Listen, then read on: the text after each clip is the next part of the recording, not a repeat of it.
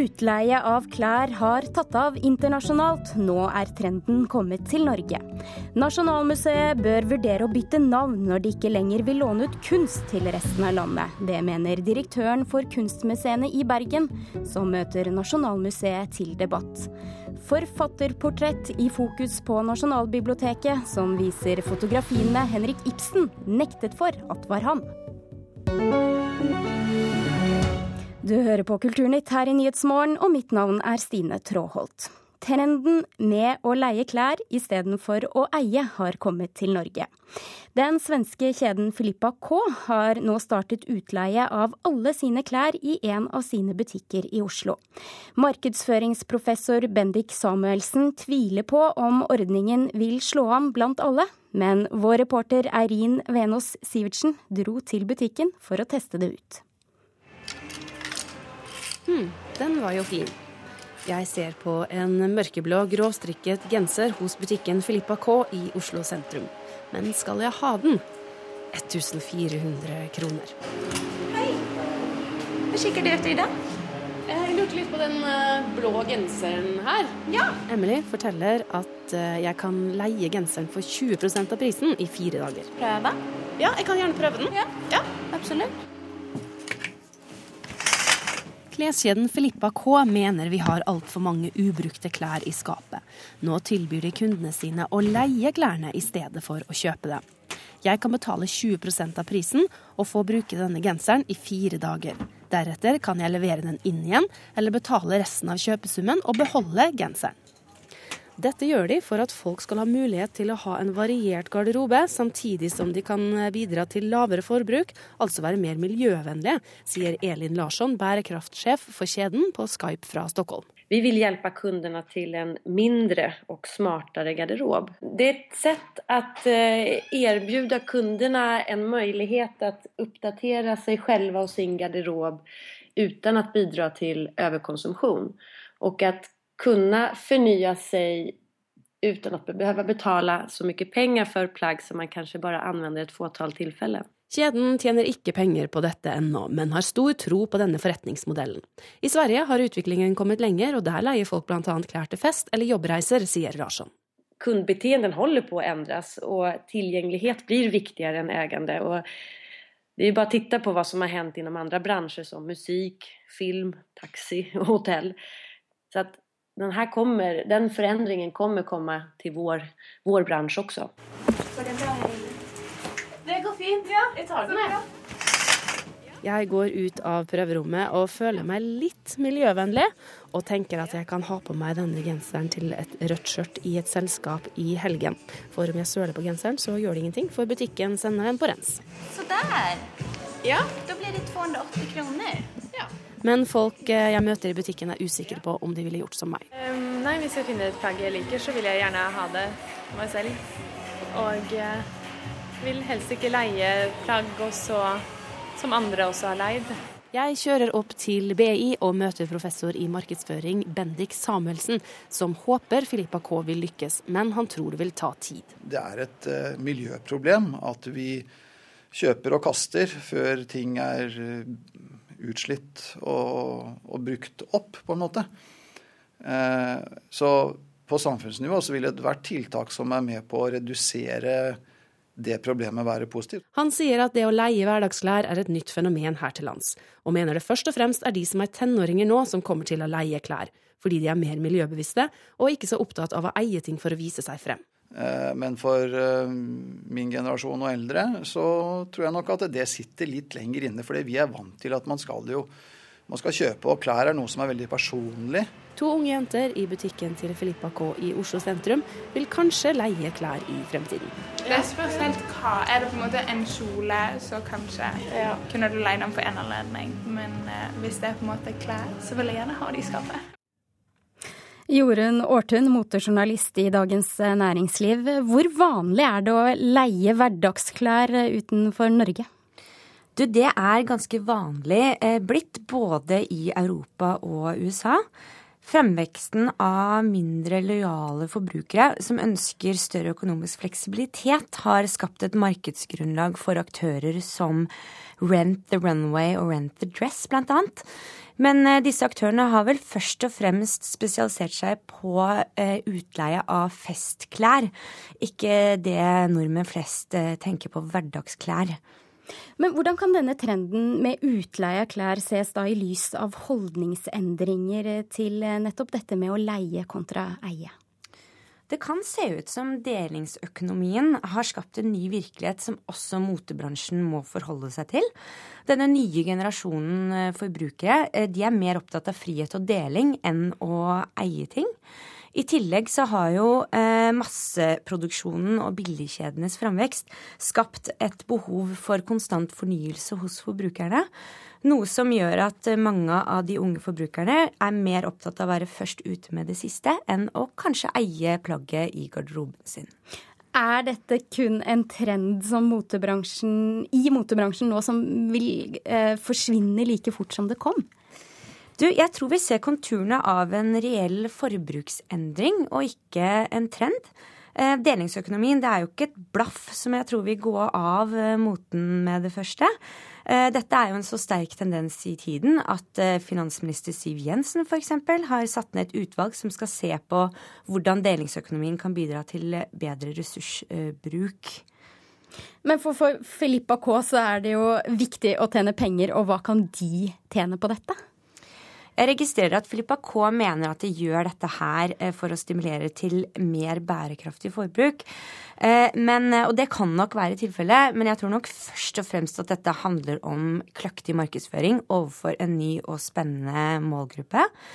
Gjennom denne tjenesten så sender jo Filippa K et signal om at de er et selskap som er tuftet på et sett av verdier som både er moderne og som er miljøvennlige. Til slutt, tror du dette vil slå an i Norge? Jeg tror, det er et, eh, jeg tror egentlig bare det er et spørsmål med tid før flere aktører eh, kommer på banen med dette. Men det kommer nok litt an på hvilket prissjikt eh, disse klesmerkene er i. Jeg tror nok det er ganske mange norske forbrukere som fortsatt vil jakte på billigkupp i butikkene. Og jeg tror nok at nordmenn generelt har ganske høy kjøpemuligheter. Så det kommer nok an på hvilke type tjenester dette er snakk om. Jorunn Orten, tusen takk for at du eh, kom til eh, Kulturnytt. Nasjonalmuseet bør vurdere å bytte navn når de ikke lenger vil låne ut kunst til resten av landet. Det skriver museumsdirektør i Bergen, Karin Hinsbo, i en ytring på nrk.no. I Kulturnytt i går mente flere i Museums-Norge at det vil bli dårligere kunstutstillinger over hele landet fordi Nasjonalmuseet pga. flytting innfører utlånsstopp de fire neste årene. Og en av de som har reagert, er Knut Jøgodt, tidligere direktør ved Nordnorsk kunstmuseum. Total utlånsstopp fra landets største uh, institusjon, landets største samling, vil by på utfordringer i de årene som kommer. De færreste mindre museer klarer å legge program for tre, fire, kanskje fem år inn i tiden, slik som de store institusjonene kan gjøre. Jeg kan jo se for meg at det kan bli en, en, en komplisert sak for, for, alle, og at det kan bli kunsttørke eh, over landet i, i en del av disse årene her. Ja, til slutt her, det var eh, Tone Sinding Steinsvik ved Blåfarveverket i Buskerud. Karin Hinsbo, direktør for eh, Kode, museene i Bergen. Hvorfor sier du at Nasjonalmuseet bør eh, vurdere å skifte navn? Ja, altså Nasjonalmuseet det kommer jo, som navnet signaliserer, med et nasjonalt oppdrag. Og Det vil si det handler om å formidle kunst og kultur i hele Norge og fasilitere hele Norge. Så når man ikke ivaretar det oppdrag fylt ut, så tenker jeg at tittelen kanskje er ledig. Og i går var øh, vår flotte øh, direktør på Nasjonalmuseet jo så øh, hyggelig å kaste ballen direkte videre til Bergen. Og da tenkte jeg ja takk. Vi tar gjerne den tittel på oss. Vi har en flott nasjonal kulturarv her i Bergen. Vi kan godt ta formidlingsoppdraget på oss nasjonalt også.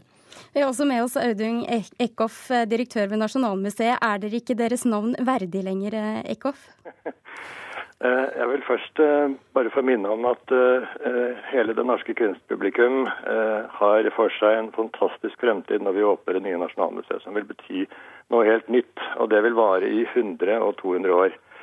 Sånn at Den perioden vi nå ser for oss, der jobber jo Nasjonalmuseet med å forberede en det man også kan kalle norgeshistoriens største flytteskjær. Vi skal flytte 100 000 kunstobjekter av disse er det nærmere 40 000 som er veldig krevende tredimensjonale objekter, møbler, gjenstander osv.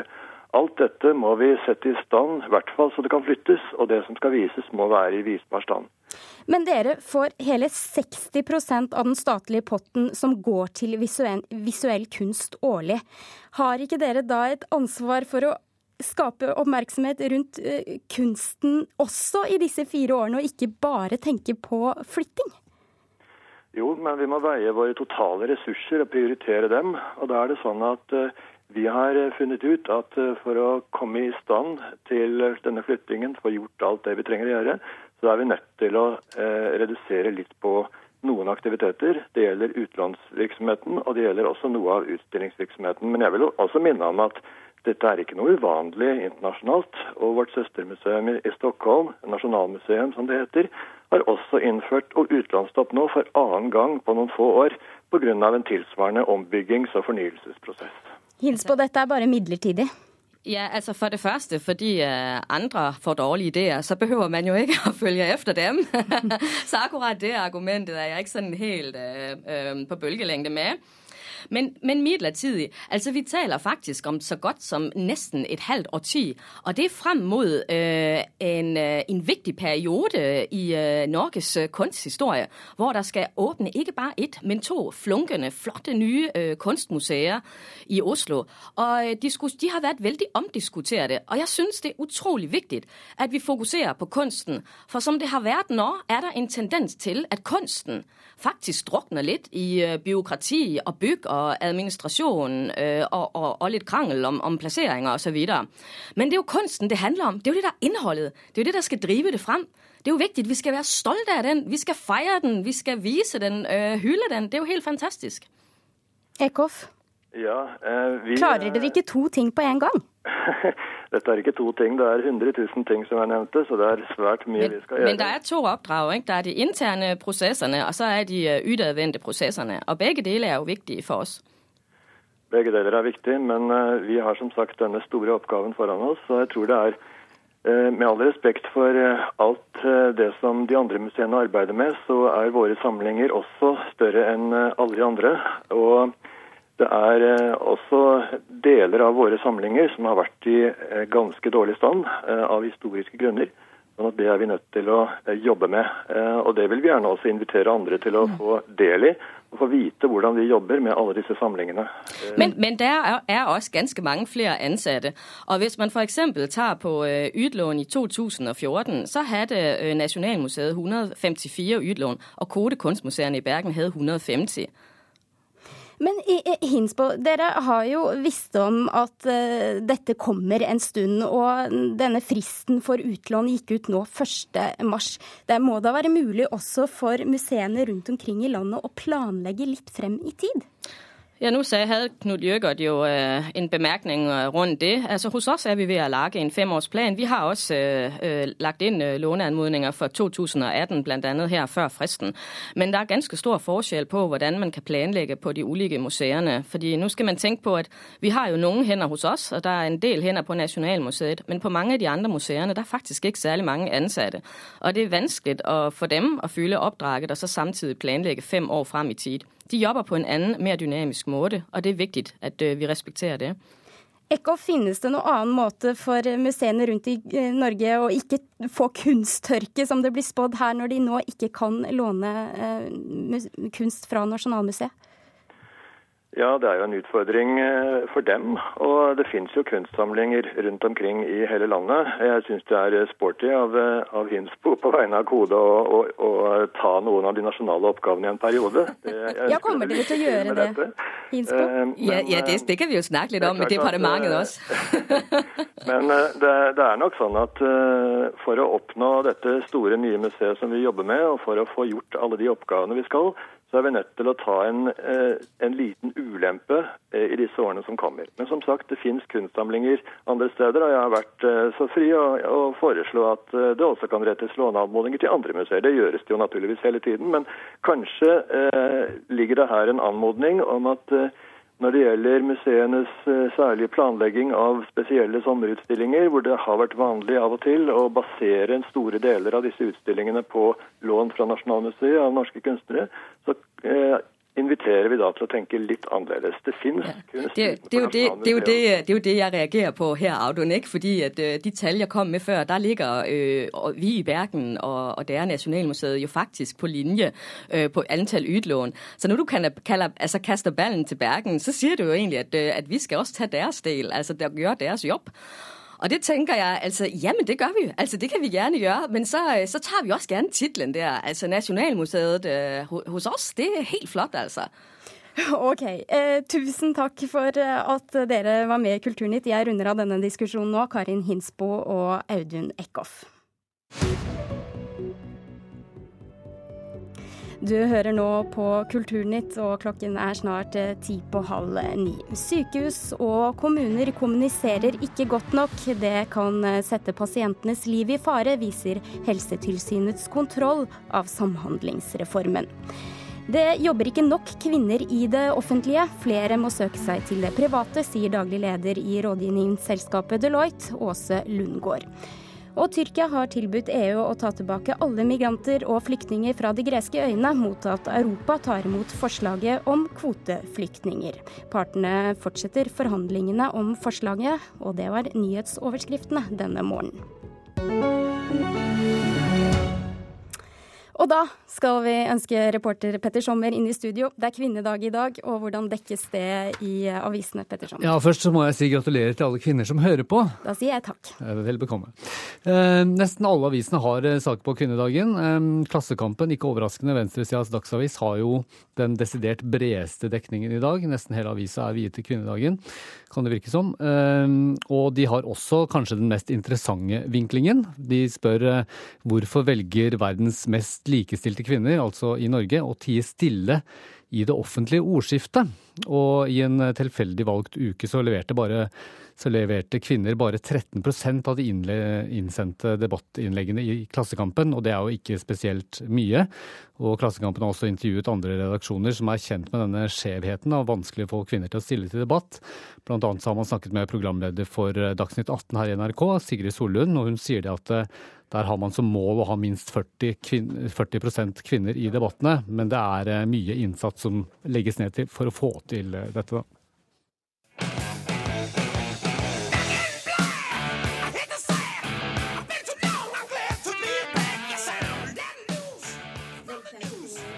Et av historiens mest kjente rockeband? Ja, dette er definitivt en av de mest kjente rockelåtene gjennom tidene. Det er ACDs med Back in Black fra 1980. Og den første plata vokalisten Brian Johnson var med på. Og han tok jo over etter at eh, Bon Scott, den første vokalisten, drakk seg i 1979. Og har gjort en veldig solid bak mikrofonen i 36 år. Men eh, nå har eh, Brian Johnson begynt å få problemer. ACDC de spiller nemlig veldig høyt på konsertene sine, og sikkert på øving også. Og hørselen har begynt å svikte. Og nå sier legen at Brian Johnson må slutte å synge umiddelbart. Hvis ikke så, kom, så kommer han til å bli eh, fullstendig døv i en alder, da, alder av 68 år. Og Det har ført til at eh, ACDC nå har utsatt eh, ti konserter i USA på ubestemt tid, og det spøker også for flere europeiske konserter, bl.a. en i Århus i Danmark som skal eh, skje den 12. juni etter planene.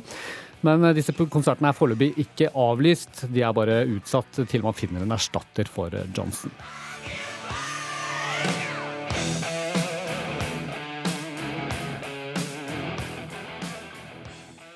Da går vi rett og slett eh, videre i Kulturnytt. Vi skal til eh, Nasjonalbiblioteket. Eh, forfatterportretter og imagebygging er tema for en ny utstilling der. Her vises fotografiene til Henrik Ibsen, de han likte og de han ikke ville vedkjenne seg, sammen med det første bildet av Camilla Collett og en helt ny serie av portretter av Linn Ullmann og Carl Ove Knausgård, for å nevne noen. Velkommen kurator Arthur Tennø og fotograf Morten Krogvold. Takk. Takk. Arthur Tennø, historisk sett, eh, hvordan vil du beskrive et klassisk forfatterportrett? Forfatterportretter skal jo gjerne vise forfatteren som forfatter, og veldig mange portretter der sitter forfatteren ved skrivebordet og skriver rett og slett litteratur. Eh, vi kan gå tilbake til eh, den første kjente forfatteren i Norge, nemlig Dorotte Engelbrektsdatter, som levde på 1600-tallet. Og først i bøkene til henne så sto det et portrett av forfatteren der hun satt og skrev sin litteratur med også eh, symboler som viser til temaer i litteraturen. I tillegg så er det psykologiske eh, portrettet av forfatteren veldig viktig. Du ser blikket eh, og ansiktet, som da er en inngang til forfatterens eh, sjel. Hvorfor har det blitt slik? Eh, den litterære teksten kan ha behov for eh, ei ramme eh, som skal eh, gi den stemma i verket en identitet. Eh, og bildet har en veldig sterk gjennomslagskraft. Eh, derfor så har man tatt i bruk bilder i, i bøkene for å eh, vise frem forfatteren og gi større kraft til forfatterstemma. Morten Krogvold, du har også bidratt til denne utstillingen med eh, nye bilder av kjente samtidsforfattere. Jeg kan nevne Dag Solstad, Vigdis Hjorth, Linn Ullmann og Karl Ove Knausgård. Hvor langt unna er de bildene du tar, eh, forfatteren med pennen i hånda? Det er jo en annen tid nå, eh, ved at også disse forfatterne Eh, stille opp i alle slags magasiner og ukeblader og gud veit hva de ikke holder på med. Eh, så det blir jo litt mer uformelt. Men eh, jeg har jo tatt veldig utgangspunkt i det forfatteren Gøran Tunstrøm sier, at et ansikt er inngangen til de menneskelige magasiner. Og hvis det er noen yrkesgrupper i verden som har mye magasinert tankekraft, så er det jo forfatterne som lever av å gestalte sin sårbarhet. Og samler stoff og så sprer de det ut uh, i bokstaver i rekkefølge. Så dette er meget tenkende, reflekterte mennesker med uh, mye melankoli. Så jeg prøver jo å treffe uttrykkene, og det jeg har prøvd å gjøre, er også å dempe de ytre kontrastene uh, i bildene for å få, komme rett på forfatterne, og ikke fotografere med effekter. Hvordan ønsker forfatterne å fremstå selv? Det er et veldig godt spørsmål. Eh, for dette skjer jo man kan være forberedt, og så blir det noe helt annet. Altså, plutselig så er Vigdis Hjorth den mest sårbare på utstillingen, mens eh, Hanne Ørstavik er den mest offensive. Og jeg ville jo tro det var det motsatte, men det oppstår under fotograferingen. Så, men jeg, jeg, tror de er veldig opptatt av at de ser ålreite ut. Utstillingen den eh, kan deles i to, både en historisk og en ny del, som vi skjønner. Vi kan ikke gå gjennom alt, men jeg ble litt nysgjerrig på dette bildet av Henrik Ibsen som han ikke ville vedkjenne seg ved. Hva var det med det, Arthur Tenne? Jo, Henrik Ibsen han levde jo i en periode da fotografiet ble viktigere og viktigere og fikk større og større utbredelse. Og eh, han eh, kom til at han måtte ta kontroll over bilder, slik at det han da kunne kontrollere eh, det imaget som ble bygd opp av han, og derfor så ville han helst ha det sendte Ibsen-bildet der han har et bårende blikk uh, med bustete hår og frakk og holder tilbake eh, hemmelighetene sine, og ikke f.eks. bilder der han smiler eller er en eh, bohem. Eh, så eh, Ibsen var en veldig dyktig person til å kontrollere fotografier. Og derfor så måtte han også nærmest benekte eldre fotografier av seg sjøl. Det går igjen at vi er opptatt av hvordan vi ser ut på bilder både før og nå. Og utstillingen den kan ses på Nasjonalbiblioteket frem til 21. mai. Tusen takk for at dere kom til Kulturnytt begge to.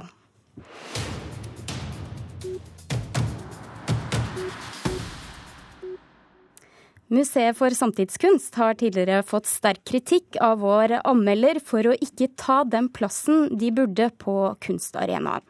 Nå er museet klar med en ny utstilling, der de ønsker å presentere den glemte konseptkunsten i Norge. Kunstkritiker Mona Palle Bjerke, hva syns du om den ambisjonen? Ja, Dette syns jeg jo er et ambisjonsnivå som det svinger av. For her, de, her gjør de nettopp det som jeg har etterlyst. De ta, virkelig tar sin egen definisjonsmakt på alvor og går inn og vil omdefinere og omskrive den nære kunsthistorien. Så det var jo veldig spent på å se hvordan det skulle gå. Konseptkunst, vi skjønner at det er noe med idé. Eh, er det et glemt eh, kapittel i norsk kunsthistorie? Om ikke det er direkte glemt, altså, så er det i hvert fall et ganske spinkelt og ufullstendig kapittel som helt klart trenger å kompletteres. Vi kjenner jo selvfølgelig til Marianne Heskes prosjekter, mange av oss kjenner til Bård Breivik og sånne ting, men eh, det er allikevel et Det var en ikke så sterk bevegelse i Norge, og den ble nok overskygget f.eks. på 70-tallet av den politiske kunsten, som hadde en veldig dominerende posisjon. Har du et eksempel på noe som har fått deg til å sperre opp øynene? Det var veldig mye mye flott å se i utstillingen. Den er overraskende sanselig, men der finner vi bl.a. da et, gjenskapningen Bente Stokkes tenkte bibliotek, skapt i aske, som et spor av et bibliotek. Og vi finner eh, Bård Breiviks eh, beryktede og berømte Mugne brød som et slags maleri i mugg, og vi finner også Viggo Andersens eh, fargestykke fra 1978. Og dette sistnevnte, her har han da med store, gjennomsiktige glassbeholdere med primærfargene blått, gult og rødt blandet farge mekanisk.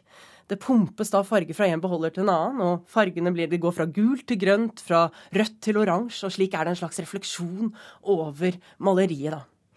Har dette blitt en utstilling eh, som du syns de har lykkes med? Ja, jeg syns absolutt det. Jeg syns det er en utstilling som viser faktisk da en litt glemt side ved norsk kunsthistorie, og er en kunnskapsmettet og interessant og vakker presentasjon, faktisk. Så betyr det at de er på det rette sporet nå, Museet ja, for samtidskunst? Ja, det føler jeg virkelig. Nå er det liksom Dette er jo debututstilling til nye, eh, nyansatt kurator, så dette tegner veldig bra, syns jeg. Det var det vår kunstkritiker Mona Pale Bjerke som sa, og med det så avslutter vi Kulturnytt. Ehm, produsent i denne sendingen var Gjermund Jappé, og du kan følge kulturnyhetene på nrk.no eh, utover hele dagen, og på radio, selvsagt.